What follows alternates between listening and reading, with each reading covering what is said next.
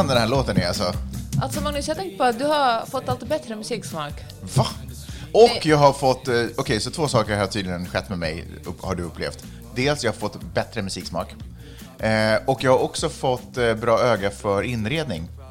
Kan det också vara så att jag har utvecklat humor? Jag tänker bara att du blir mer som jag. Ja. Seems like you could use a little company from me. But if you got everything and figured out like you say, don't waste a minute, don't wait a minute.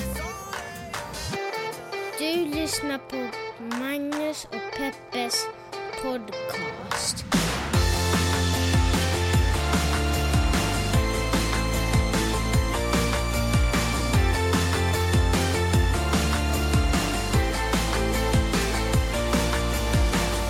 What up, what up? Hjärtligt välkommen till podcasten som heter Magnus och Peppes podcast. En liten podcast där vi pratar om stora och små händelser i världen. Och så gör vi det ur ett journalistiskt, feministiskt, kreativt och mediegranskande perspektiv. Oj! Du är verkligen en ny man, Magnus. Jag vet inte ens vad det betyder. Hur är läget, Peppe?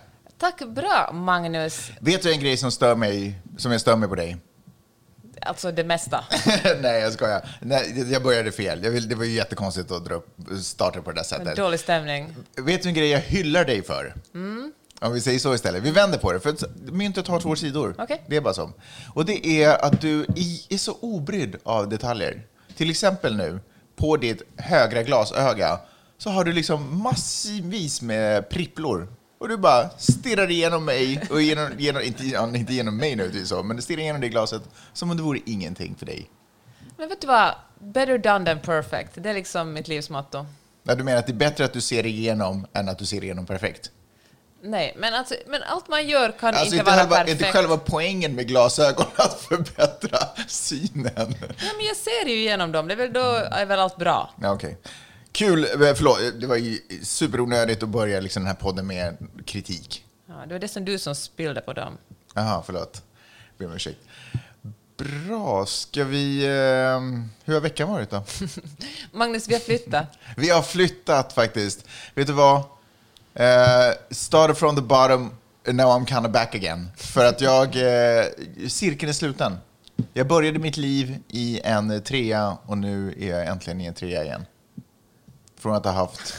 Är det okej? Vad är det? Ja, men det där var ju verkligen en, en ganska så här lös... Det fanns inte så jättemycket regler kring den cirkeln. Nej, nej, det var Kring bara... den cirkeln. Nej, det var bara att tre rum och kök. Ja, men liksom. vi har flyttat till en trerummare och det är härligt. Det, vi har balkong, den är nyrenoverad och, eh, ja, men, och ny inredd av oss. Ja, mest roligt är det att flytta till en nyrenoverad lägenhet. Ja, För vi har ju inte bott i det någonsin tillsammans, tror jag bestämt. Nej. Vi har alltid varit så här, äh, det här duger, vi tar det här. Orkar hålla Better på. done than perfect. De flesta köper ju en lägenhet och bara, åh, det här kan vi fixa Här till. finns potential. Vi Ta- river ut köket. Marmorplatta. Ta två veckor, de har förvandlat en etta till typ ett sådär, en liten mansion.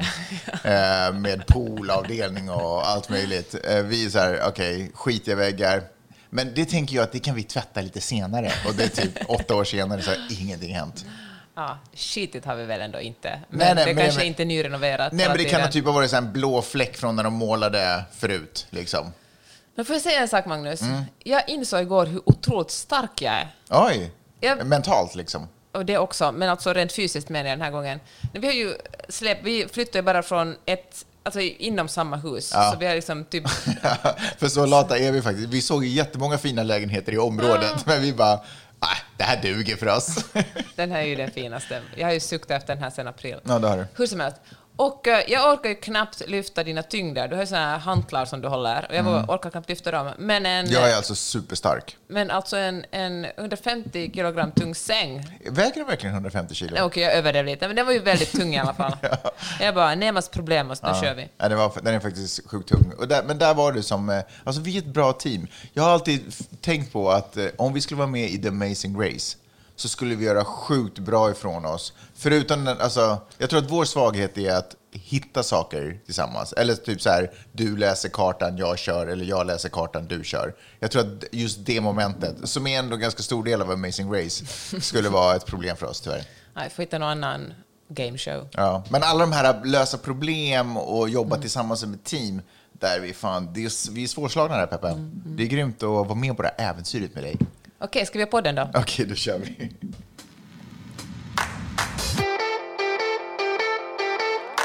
Du tyckte att det var för mycket självloving? Ja, men folk har stängt av. 90 procent av lyssnarna har stängt de av. bara- Och... Nej, men det var för att de var tvungna att gå och kräkas. Ja. Och sen, nu är de tillbaka. Okej, Hej! Hörni, eh, jag vill tala om Oatly. Oatly? Ja, du De vet. här äh, solglasögonen? Nej, det är Oakley.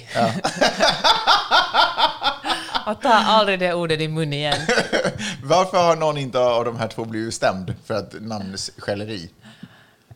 Ja, det kan vi ta i en annan podcast. Okej. Men hör du... Jag eh, tar aldrig det namnet i din mun. Okej, för de är ju de fulaste de solglasögonen. är snabba. De Ja. är snabba. Ja. Men vet du vad, nu när jag sagt det så kommer de säkert bli supertrendiga så om ett år så ser ni mig Mm. med här smala cyklistsolglasögon. Mhm. Strunt samma. Oatly hatar alla den här veckan eftersom de har fått eh, finansiering av Blackstone Mhm. som är ett uh, ondskefullt riskkapitalbolag. På vilket sätt ondskefullt? Ja men, eh, de, eh, ja, men de håller på med massa grejer där man kan tjäna pengar utan att liksom kolla så mycket hur mycket etiskt det finns där. Det sägs att de skövlar ner regnskog och de är Trump-supporters för att Trump ger inga skatter på dem.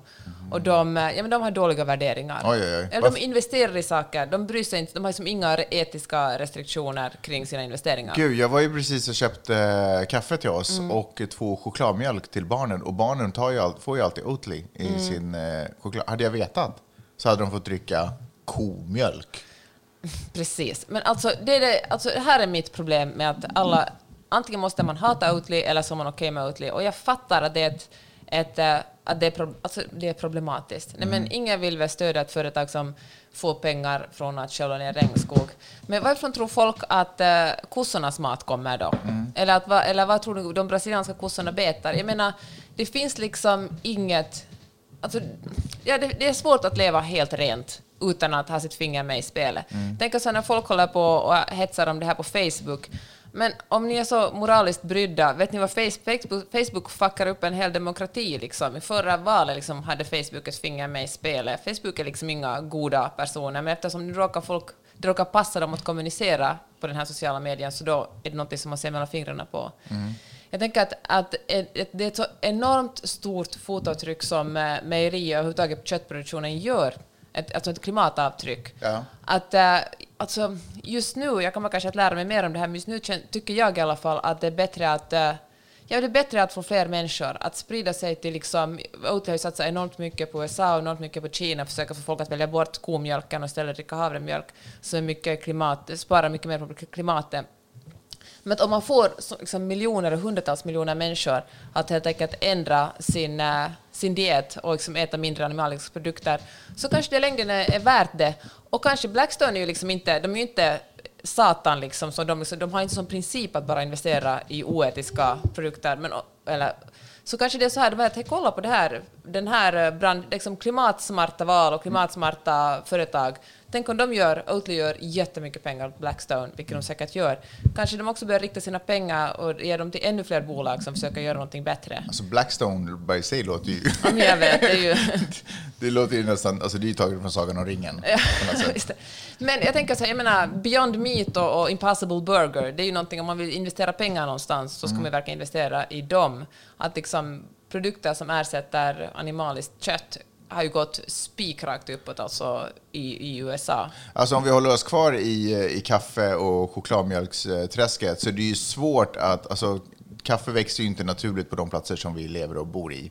Och lika lite växer ju kokobönor. Heter det koko? Eller Kaka- kakao. Kakaobönor heter. Kokobönor. Kakaobönor. Lika lite. Så det, alltså, allting i den här processen är ju svår att säkert Ja. göra superekologisk.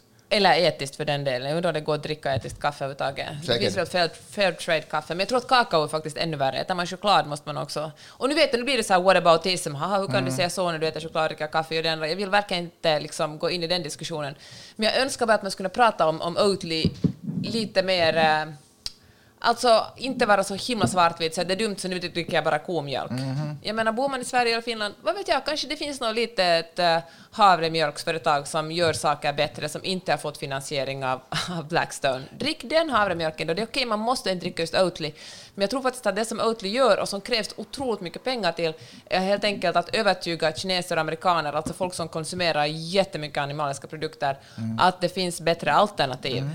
Alltså det är ju... Det kanske, jag menar, Oatly kanske gör det möjligt för ett annat havremjölksföretag att, som inte tar finansiering av då. Bara väg för om dem. Nu, om nu egentligen Blackstone är det stora problemet här, det vet jag inte riktigt. De är ju bara... Ja, Alltså, men, det, men det är det som folk tycker, att som Blackstone är så ondskefullt och gör vidriga saker, därför kan man inte heller, och de ger pengar till Oatly, därför kan man inte dricka Oatly.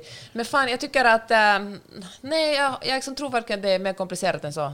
Ja, eh, jag, jag, förs- jag förstår vad du säger. Jag själv kör ju mandelmjölk. Ja, men det är ju också inte helt bra. Alltså, Varför det då? krävs enormt mycket vatten för att uh, odla mandlar. Så liksom jättestor, alltså det är på så vis ganska oekologiskt, speciellt i Kalifornien där råder annars också torka. Dessutom vet jag inte vilket företag som gör den här mandelmjölken. Om Och- det och vem också de har fått om finansiering har- av. Ja, det, för fem år sedan, så det här är inte kanske det färskaste, så publicerade sen en artikel på svenskayle.fi.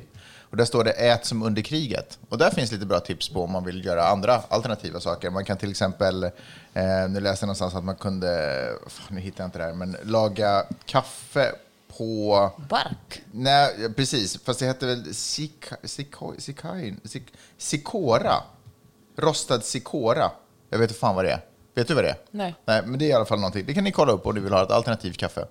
Ehm, rostat korn och rostat råg kan man göra kaffe på. Ser Jag tror att det bara, bara man har någonting, en liten prippla och så rostar den, så då blir det väl någon form av kaffegrej av Man det. vänjer ju sig vid allt. Jag tänker första gången man drack kaffe smakade det ju också äckligt, så kanske man bara måste vänja sig vid att äta rostad, vad det nu sen hette. Men hör du, får jag ännu säga en sak? Jag tycker, så, jag tycker faktiskt, jag vill inte heller vara sådär att, alltså man ska inte bli cynisk och vara sådär att alla är ändå onda, alla är ändå idioter, vi kan liksom inte producera. Det är klart man ska vara kritiska och, och kolla på varifrån finansiering kommer, men sen kan man inte heller vara sådär att det tänker jag inte dricka, och sen välja något alternativ som man inte har granskat. För jag menar, vad man än granskar så liksom kommer man antagligen att hitta någonting smutsigt. Jag menar, bara genom att leva gör man ju ett enormt klimatavtryck. Och då måste man liksom bara avgöra vad, som, vad man är redo att göra. Ja, vad, vad som man själv tycker är det vettigaste. Ännu en dude har blivit skjuten av polis. Eh, Jacob Blake, det är det senaste namnet eh, som figurerar, som, och som har liksom, eh, gett mer bensin till protester som, som fortsätter här i USA.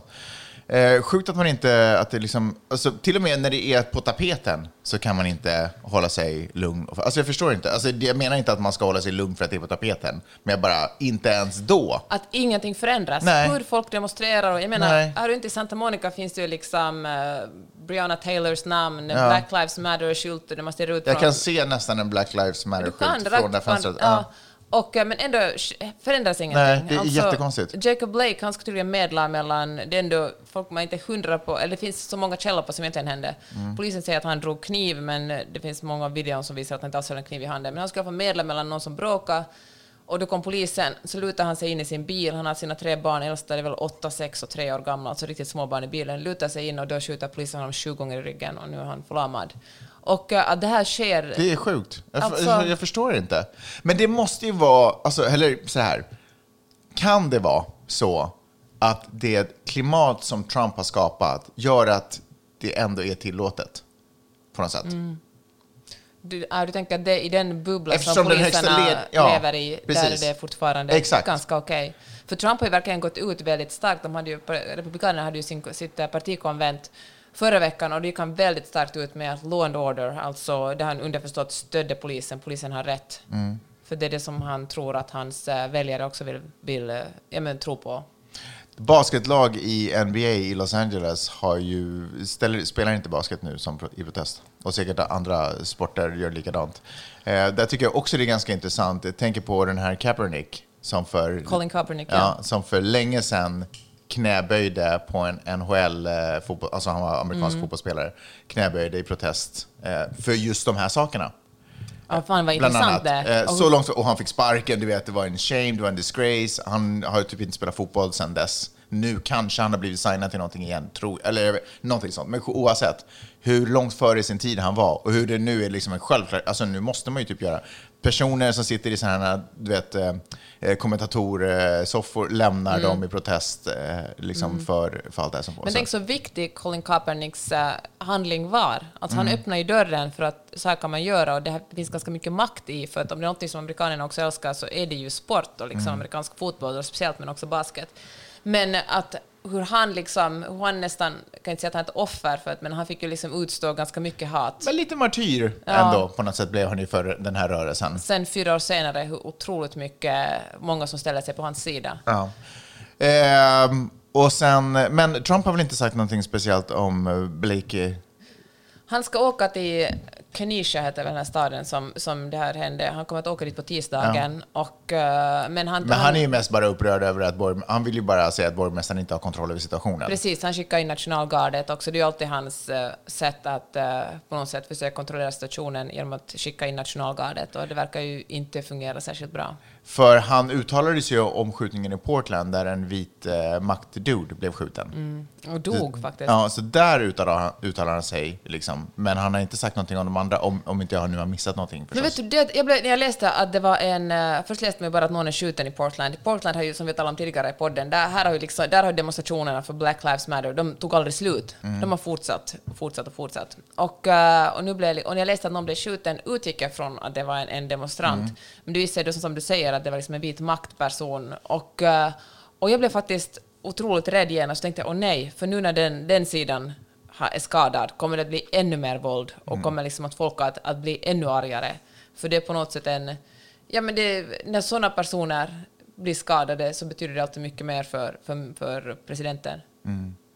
Det har hållits eh, ganska gripande tal, eh, i, framförallt, eller, i samband med då att eh, basketlaget, jag tror det var Clippers som bestämde sig för bland annat att inte, att inte spela mer i protest. Så en coach höll ett ganska gripande tal.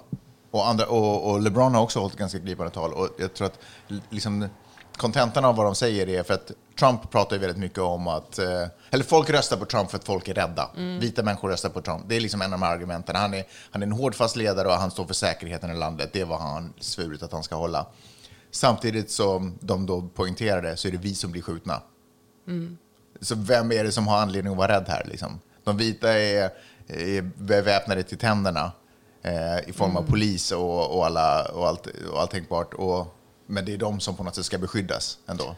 Ja, det var ironiskt för under partikonventet då talade också Republikanerna flera olika om att eh, om att om, om Joe Biden blir vald, då kommer vi att se liksom demonstrationer, vi kommer att se riots, folk kommer att bli skjutna, det kommer vara våld på gatorna. De beskrev exakt det Amerika, eller det USA som vi lever i just nu under, under Trump som president.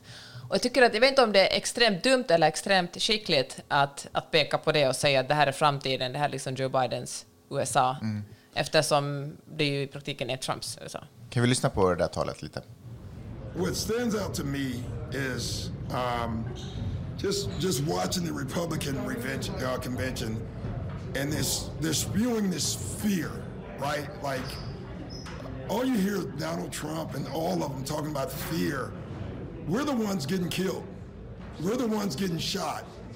Uh, we're the ones that we're denied to live in certain communities. Um, we've been hung. We've been shot. And all you do is keep hearing about fear. It's it's amazing to me why we keep loving this country and this country does not love us back.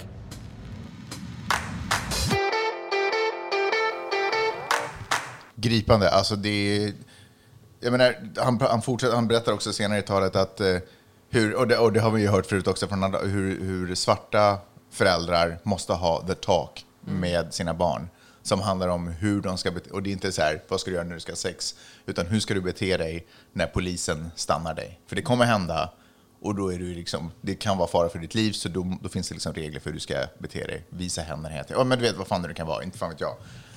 Jag lever inte ens i närheten av en värld där jag skulle behöva ha ett samtal med min son. Det, det är inte, inte någonsin, inte en dag liksom, i hans liv har jag funderat på när ska jag ha samtalet om hur han ska bete sig när polisen stannar honom. Förstår du vad jag menar? Alltså vad sjukt att leva i ett sånt land där man måste förbereda sig för möte med de som är där för att skydda dig. Ja. Och det handlar så mycket mer om än om... Jag menar, liksom, det är bara toppen på isberget, det här direkta dödliga våldet som svarta utsätts för. Jag lyssnar på podcasten Code Switch, som jag verkligen rekommenderar för alla, som handlar om... 2020 hängs folk, Ja. svarta. Men jag tänker, och det, liksom, det, det går så långt djupare ner, alltså djupare ner som liksom sämre hälsovård eller, eller tillgång till Ja, ja, ja, hälsovård. och liksom, men också, det var chockerande, det handlar om en undersökning som visar att eh, svarta, och, svarta barn har färre vänner. 30 procent av alla svarta som småpojkar i skolan kan inte nämna, säga, nämna en enda vän. Mm. Alltså, de som har flest vänner av allt är vita flickor.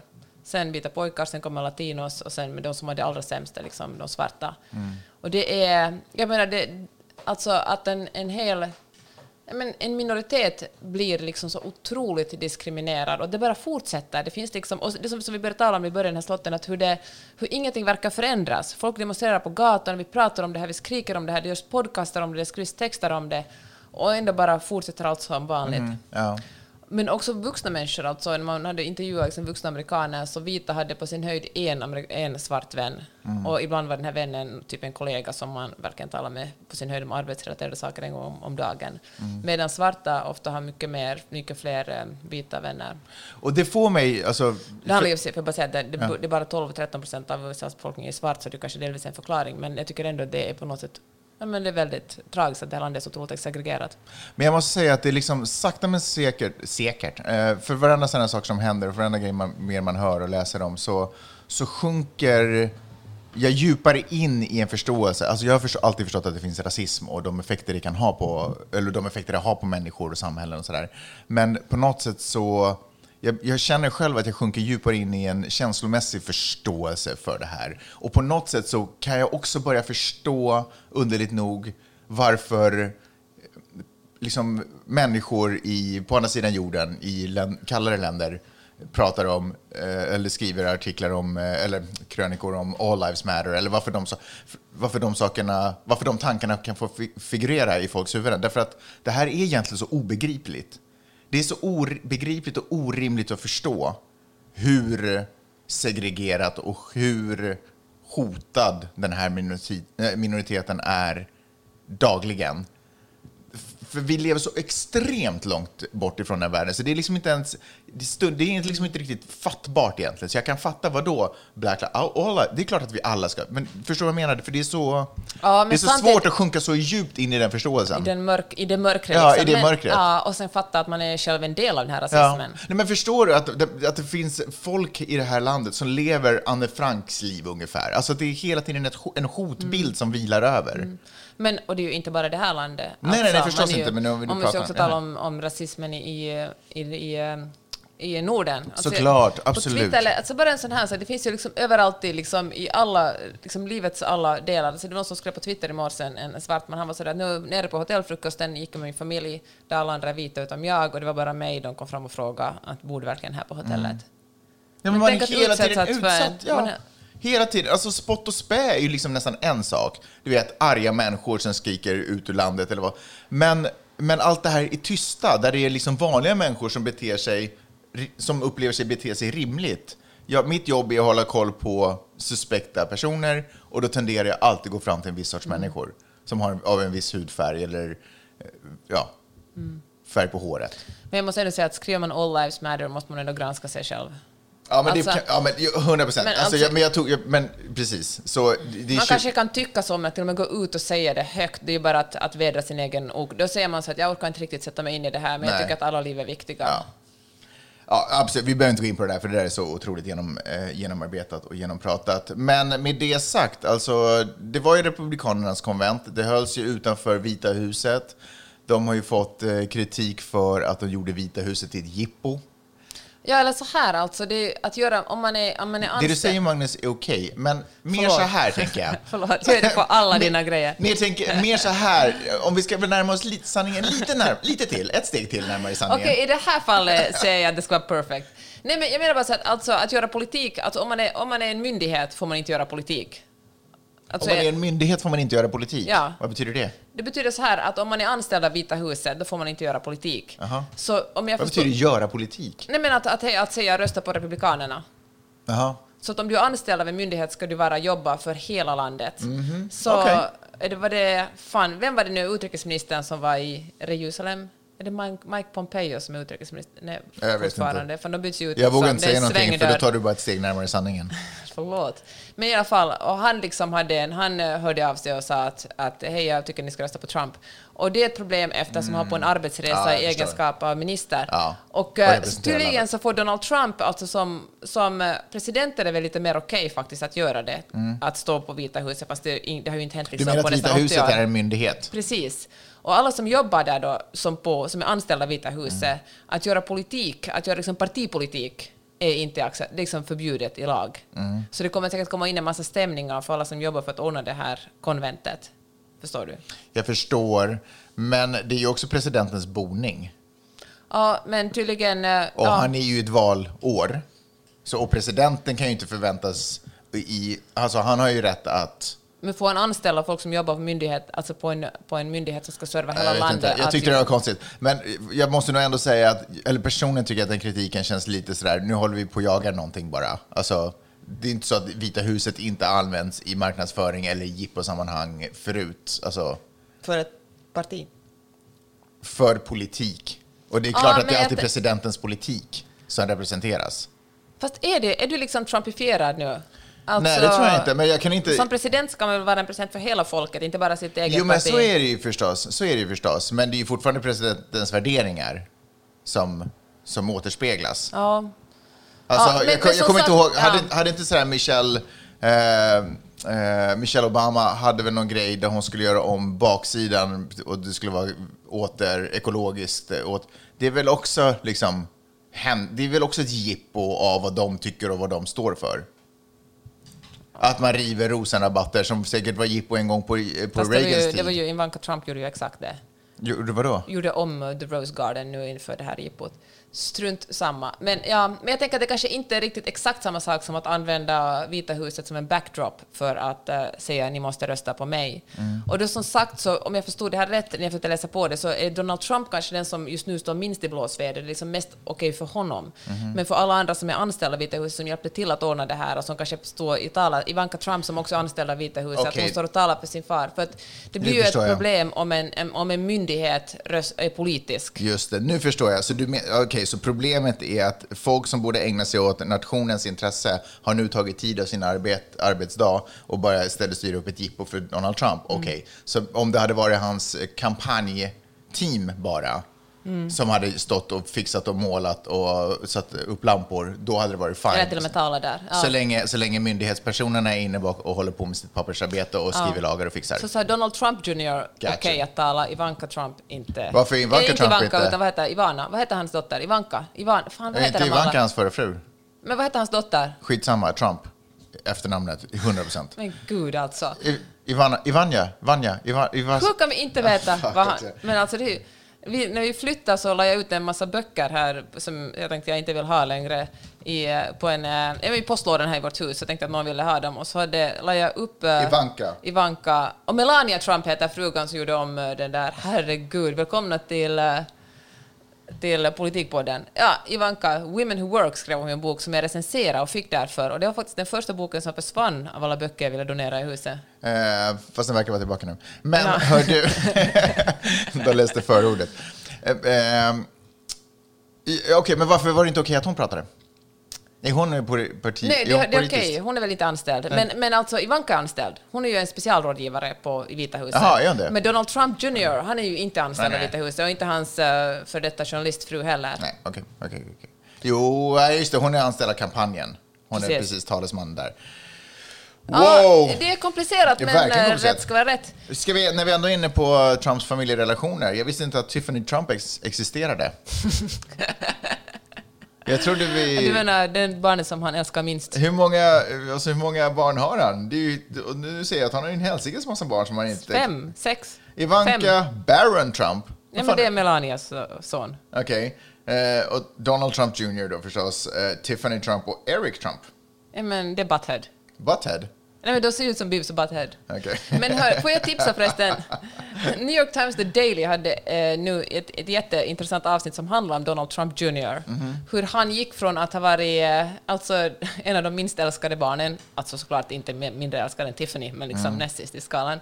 För Donald Trump tyckte att han var lite pinsam och dum och det var löjligt att han, att han var jagad och han gillade så mycket att skjuta djur. Och, och, och, men nu har han verkligen klättrat upp liksom och, och för att eh, det var ju han, han, ju, han, det var han som ordnade det här mötet under, eh, under kampanjen 2016 där han träffade en massa ryssar som sa att de hade dirt på Hillary Clinton och, som sen, eh, och som sen läckte de här e-postbreven och då liksom och då gick alla ut och sa så här att, att nej, att, att, vi, att eh, Donald Trump Jr. han är en idiot, ingen kan lita på honom, han är liksom not the sharpest tool in the shed, han gjorde ett misstag. Men sen dess har han liksom klättrat upp och, och man räknar med att han kommer vara den nästa Trumpen som ställer upp i, i, eh, i val. Efter, om åtta år så kommer Donald Trump, Trump Jr. att ställa upp och bli- USAs nästa president. Cool. Nej, vänta, om fyra år. Fyra, förlåt, om fyra år. Jag ser fram emot det. Men det har faktiskt en, en alltså det är ju, man kan ju skoja om det här, men han kommer verkligen att vilja ge sig in i politiken. Han håller ju nu redan så här, innan, innan coronan höll han ju på, höll han så här kampanjmöten för att värma upp liksom folk inför sig själv och inför sin pappa. Men jag läste en, en, en tråd av en politisk journalist på, på Twitter som sa att, att alla de demokrater som nu inte tycker att Joe Biden är tillräckligt eh, vänster och som säger att han är liksom ett han är ett, mellan, ett mellanval och, vi liksom, och som, som väljer att inte rösta alls eftersom de tycker att, att Joe Biden är för liksom höger. De fattar inte att det här är det sista riktigt demokratiska valet man kommer att ha i USA. Att om det är så att Donald Trump vinner och sitter ytterligare fyra år kommer han att, att ha men brutit ner den amerikanska demokratin så pass mycket att det verkligen inte alls är osannolikt att detta av hans barn kommer att bli president nästa gång och så vidare. Att Automagiskt, liksom, eller vadå? No, men mer eller mindre, alltså så här som i, i För kan göra en Putin Belarus sätt, eller? eller, eller Ryssland eller, eller det som händer i... Nej, men I Ungern har man ju också brutit ner... Liksom. Men det finns ju en konstitution, det finns ju ett annat system som lite värnar om... Ja. Alltså, Ja. Nej, men, vet du, men ursäkta, men hur mycket bryr sig Trump om konstitutionen? Vad tror du att han kommer att liksom... Tycker att han kommer, tror han kommer att ge sig om han inte blir... Han kommer, tror att han kommer att gratulera Joe Biden om Joe Biden vinner? Men tror du på riktigt att han... Alltså han, Ja, har ju, så- ja. han har ju inte egentligen lyckats åstadkomma så supermycket. Han har lyckats avsluta avtal med världen. Men inrikespolitiskt så har han inte lyckats åstadkomma... Han har inte fått upp någon mur, han har inte lyckats få upp någon... Han har inte lyckats liksom... Nej, men han har spritt ett ganska stort, eh, alltså en ganska, ganska stor misstro mot medierna till exempel. Det har han gjort, och han men har också understött spri- konspirationsteorier. Ja. Han, alltså, Men mot sina egna peers inom politiken så har han också spritt en ganska stor misstro för, eh, alltså på ett negativt sätt. Att folk börjar sådär, till Fast och med flest- hardcore republikaner är sådär, yo. Fast hur många av dem är det egentligen? De är ju också såna medgångssupportrar, så alla höjer på Trump ända tills Trump inte längre är president. Alltså kolla bara vad, men, kolla bara vad han gör liksom med röstningen nu när han liksom inte vill att folk ska rösta överhuvudtaget. Mm. Jo, Och men liksom han gör kan det- underminera jättemycket, det kan han 100% göra. Men den amerikanska, eh, det amerikanska styrelseskicket är ändå ganska väl utformat. Det finns liksom olika instanser, det är inte en instans som har full makt. Fast jag tänker att det inte handlar så mycket om att liksom ta bort... No, för det första har han ju tillsatt sina egna domare. Och liksom, om Nej, han har inte tillsatt sina egna domare, han får de fle- tillsätta en, max två. Ja, men då har de ju majoritet alltså. Det Jo, är men alltså och nu när Ruth Bader Gins- Ginsburg kom, om hon uh, kollar vippen nu innan så kommer han ju en till republikan. Jag menar, Ja, han, fast nu pratar de om den absolut högsta, eh, the Supreme Court. Det finns ju domstolar innan det också. Så sant. Men vet du vad, jag tror faktiskt det handlar till stor del... Jag, jag hörde vad du säger, jag vet ju att liksom det inte Nej. går att bräcka så mycket, men jag tror det i dagens...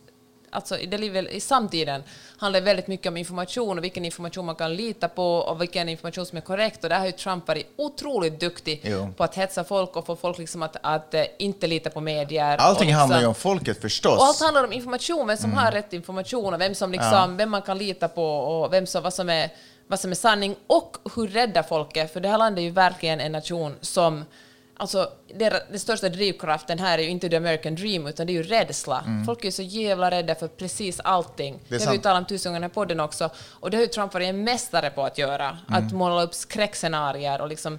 Det gjorde han redan i sin kampanj. Då skulle man vara rädda för, liksom, för folk som kom från, från Mexiko, Guatemala och El Salvador. Och man ska vara rädda för liksom...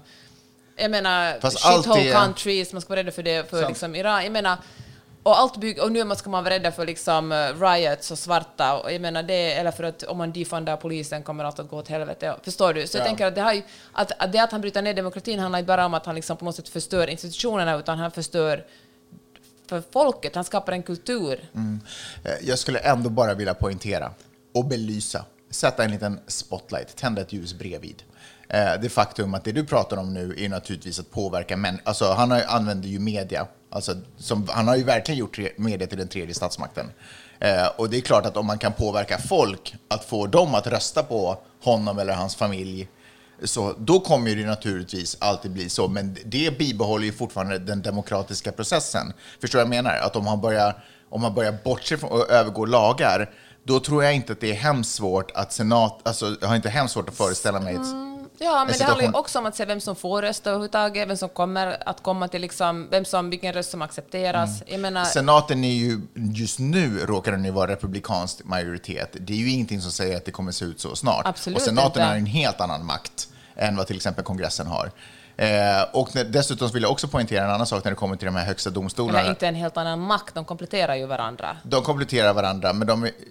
Ja, fast de har andra befogenheter, senaten, Mm. har ju de över kongressen. Men oavsett, eh, som är dessutom närmare... Det var till exempel därför det inte gick att... Eh, eh, vad heter det nu? Att liksom stämma honom eller avsätta honom. Därför att, Impeacha. Impeacha, därför att senaten inte var med på det. Hade de varit med på det, då hade han ju varit borta. Mm, men, mm. Oavsett. Sen skulle jag också vilja poängtera det här med att presidenter som då har som ett av deras uppdrag är ju att tillsätta nya högsta domstolmedlemmar. Nu är det ju inte så, alltså, eh, alltså visserligen så kan ju de domstolmedlemmarna vara antingen då vara personer som röstar demokratiskt eller republikanskt. Men vad de framförallt deras huvudsakliga, eh, det som gör dem extra intressanta är ju huruvida de är konservativa eller inte. För det tenderar ju hur de väljer att tolka vissa lagar. Det betyder ju på inget sätt att de här eh, juristerna eller domarna sitter i presidentens ficka. Nej, men, De gör ju inte har ju beställningsuppdrag. ett- nej, men å andra sidan har ju Trump verkligen en track record på att bara ha folk som är beställning, som gör beställningsuppdrag. Mm. Han väljer ju hellre någon som gör precis som han vill än någon som är främst jurist eller advokat. Nu, fan, jag har för mig att det var någonting som han ville få gjort som faktiskt röstades av En eh, konservativ. Ja, var det inte den här duden som tyckte om att dricka, som, var, som satt inför... Kavanaugh. Ja, Brett Kavanaugh. han fattade det väl var en abortfråga som han faktiskt... som han slog ner. Liksom. Ja. Så jag menar att de här är ju inte, det är inte köpta, det är ju liksom yrkesjurister eh, jurister och domare. Så att, jag menar, det är klart att de har en, en heder. Sen kanske de är konservativa eller inte, men oavsett. Ja. Jag tror på den amerikanska demokratin. Ja, det är fint. Den har, den har ju försvagats under Den har absolut försvagats, men den har framförallt försvagats inte på grund av systemet utan på grund av människorna. För att, och det är alltid människorna, som, folket som lever i demokratin som bygger upp den och ser Mm. till att den fungerar. Den har försvagats för att folk inte här fattar någonting. Vadå, Okej, mm, ehm, mm. Ska som vi ta jag- ett steg närmare sanningen? Nej, jag ska säga något annat. Jag ska inte hålla på och korrigera det hela tiden, som ja, du visst påpekat att jag gör. Men hör du, eh, det som jag också tänkte på, att eh, jag läste just en artikel där Michael Moore, den här gamla, han som gjorde en bra dokumentär på 90-talet och sen slutade... Bowling for Columbine. Ja, den var ju verkligen stark alltså. Då, det skulle vara kul att se om den. Ja. Undrar den är stark. Sen har han gjort samma dokumentär om och om igen, fast sämre. Så det var intressant att skulle man se den idag skulle det inte vara... Ja, men den tidens ögon var väldigt bra. Han eh, gick ut och sa att han tror att Trump kommer att vinna valet 2016, gick han ut och sa det, och så hade han rätt. Och nu, han gick, nu gick han nyligen ut och sa att han tror att Trump kommer att vinna igen. Och, eh, och precis som alla gallupar visade att eh, Hillary Clinton ska vinna, visar alla gallupar nu att, att, att eh, Joe Biden ska vinna. Ja. Och jag tänker att det kanske ett problem är att eh, folk, om man, om man är så bombsäker på att Demokraternas kandidat kommer att vinna, då kanske man inte ger sig ut och röstar. Det finns liksom ingen kamp. Men om man känner så där, för det kommer bli tight, alltså det kommer att bli, det här är ett val som kanske Ja, men som kanske min, min röst är viktig, då ger man sig ut och rösta. Så kanske det är Förhoppningsvis har ju förra flippen eh, fool me once. ja, kanske påverkar folk att vara så nu olika. vi måste alla långsammare förresten. Så att eh, Tamara förstår. Hej Tamara! Shout out Tamara. Uh, ja, jag menar att uh, om man känner så här att uh, vi har liksom den här vinsten i fickan, Mm. då kanske man stannar hemma. För det är ju, speciellt i de här liksom covid-19-tiderna, är det ju... uh, ja, men så det, kan det vara, man får köa hur länge som helst Mm. om man ska verkligen fysiskt gå och rösta. Ska man poströsta kanske det är bökigt, och så väljer man att bara strunta i det. Men Kändisar och man- folk uppmanar ju eh, allmänheten att börja rösta redan nu. Ja, man kan göra det i Staples Center från och med början i, av september här Mm. i, i, i Los Angeles. Cool.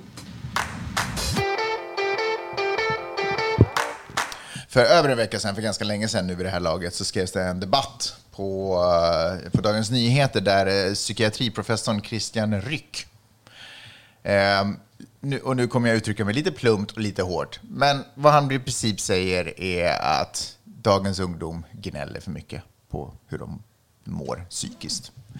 Eh, så här står det i ingressen, vi behöver förstå skillnaden mellan vanligt lidande och det man bör söka vård för. Eh, ingressen fortsätter, det vida begreppet psykisk ohälsa är problematiskt. De flesta av oss vet skillnaden på en förkylning som vi inte behöver vård för och en svårare infektion. Vi behöver nu samma kunskap för det psykiska lidandet. Eh, Att det tenderar att man, eh, man kanske har blivit dumpad, man är hjärtekrossad och man ringer psykiatrin för man mår så dåligt så man kan inte hantera den här förlusten av som relationen. Kärleken. Ja, förlusten av kärleken. Eh, och, och först så, min spontana reaktion när jag läste det här var, "Åh, herregud, ja det är faktiskt sant. Alltså det är så, det är så blödigt nu för tiden. Man får borsta av sig och räta på ryggen, blicka framåt. Man är ung, livet är framför en, det finns massa fantastiska saker fortfarande kvar att utforska och upptäcka. Och en dumpad kärlek öppnar bara möjligheter för att den riktiga kärleken ska kunna kliva in i ens liv, spontant. Eh, samtidigt, så sen helt plötsligt, eh, ska jag snarare säga, när jag sitter i, soffan och är självgod, så, så helt plötsligt så slår det mig, men gud, fan vad korkat. Det är ju fantastiskt bra att man, att, att, att eh, viljan och behovet att söka vård har börjat bli så bekvämt och vanligt i människor att man inte behöver stå ensam utan verktyg och inte vet hur man ska hantera saker. Jag menar, det betyder ju inte att man... Eh, nej, så här. Att, att, eh, att det är ju fantastiskt att man vågar söka vård och söka hjälp. Alla kanske inte har fått de här verktygen som jag kanske har haft den enorma turen att ha fått av mina föräldrar och kanske goda vänner och vad det nu kan ha varit som har gjort att jag kanske är bättre rustad att hantera den dagen du kommer dumpa mig, Peppe. Eh, men det finns ju, psykiatrin och sjukvården är ju inte till för de som klarar kriser och sjukdomar, utan de är ju till för de som inte kan klara det. Och framförallt psykiatrin är ju kanske där då för, ska ju vara där då för folk som inte har de här verktygen och känner sig kapabla att ens lösa vad vi andra kan tycka var de enklaste problemen. Och det är väl fantastiskt fint att vi har gått från en tid där de här människorna inte har kunnat eh, prata med någon eller söka hjälp eller känt sig liksom, att tyckte att deras problem har varit så små. Och det som eh, eh, vänner och kompisar har sagt till dem är så här, men skärp dig, skaffa dig ett kammare, skaffa dig ett liv, sluta larva dig, gå vidare, det finns mer fiskar i vattnet. Du vet, råd som kanske inte har hjälpt ett dugg när man mår dåligt och känner sig ledsen och övergiven och kanske tvivlar på att man är lämpad för kärlek överhuvudtaget i sitt liv. Så jag tycker, det, alltså, var det här, var, var Christian, Be- eh, förlåt, var Christian Ryck kanske, där han säger att, folk borde att man borde lära sig prioritera vad man ska söka hjälp för och inte. Snarare så tycker jag att det här är en signal på att vi borde satsa mer på psykiatrin. Eh, Men kanske då, så vi har möjlighet att guida, okej, det här är den sortens problem, typ en, du, då kan du gå till en allmänläkare ungefär, eller förstår jag, fast motsvarande då, vad det nu skulle kunna vara. Och så kan vi fokusera. För det som nu förstås är problemet med, låga, med små resurser och alltihopa är ju att det blir svårt för tung psykiatri att ta hand om kärleksproblem. Alltså nu pratar jag grovt förstås, det kanske inte bara handlar om det.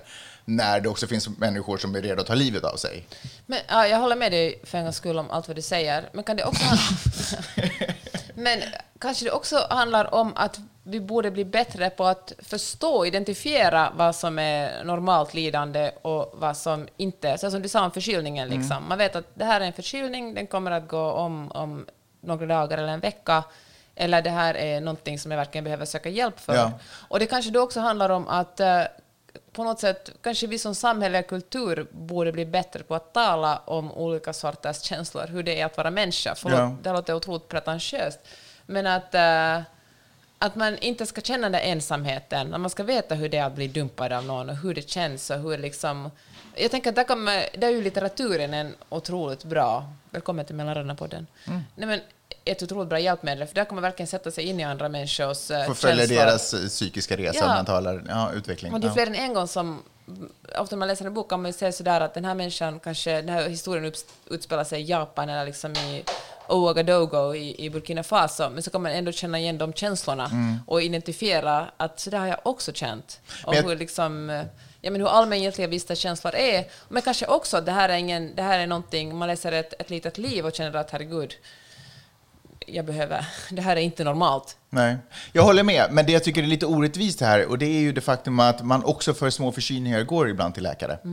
för att få hjälp, för att lätta lite. Jag vet att det inte är farligt, men jag vill lätta lite på slemhinnorna i bihålorna. Eller jag vet att det här är inte li- farligt, men jag skulle vilja sova så kan jag få någonting för min hosta. Alltså man gör ju också det.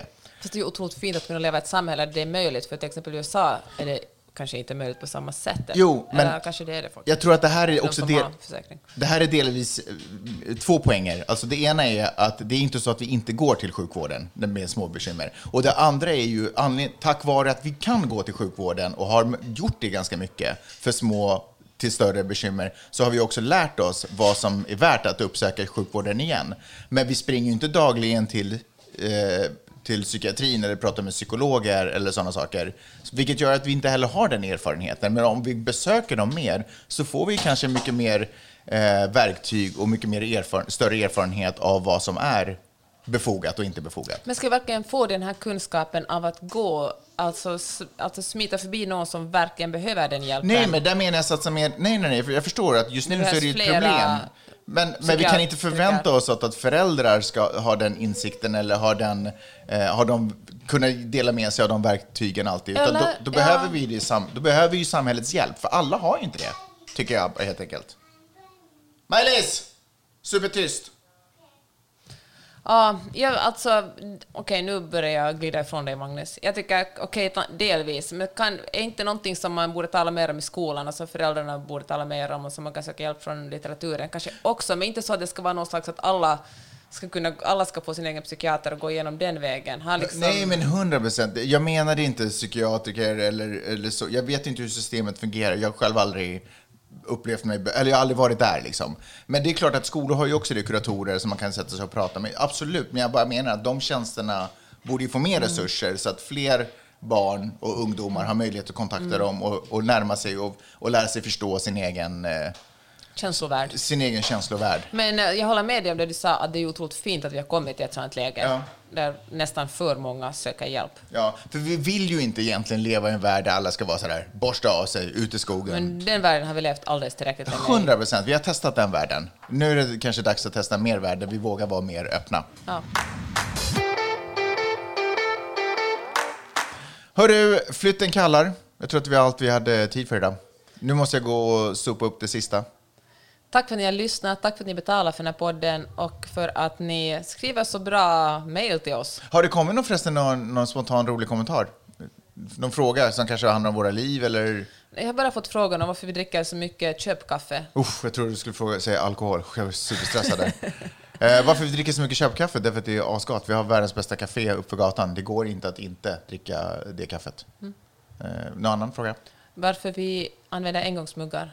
Eh, därför att det är corona just nu, man får inte, alltså det vill säga om man ska köra köpkaffe. Så man får inte komma med sin egen mugg för att folk är rädda att få corona från mina eh, fylliga och sensuella läppar. Eller är de kanske inte så fylliga. Men skitsamma. Så Men det är det enda. Så annars, i vanliga fall så uppmuntras man ju komma med sin egen mugg, men nu tar de inte emot dem. Så nu är det tyvärr, vi lever i en engångsmugg eh, värld just nu tills coronan, epidemin är över. Får jag tipsa om podcasten Förnyarna som också talar väldigt bra om Oatly som vi började det här avsnittet Okej. med. Ja, det får du göra. Får jag tipsa om eh, tv-programmet eh, Kvartsamtalet med Parisa Amini? Superbra faktiskt. Jag, jag skulle klippa ut en liten bit till deras podd. Fastnade, såg typ hela avsnittet. Jaha, Det är sju avsnitt, eh, de är väl säkert en kvart-ish. Någonstans där. bra. Bra gäster. Tack så hemskt mycket. Vi hörs nästa vecka. Peace!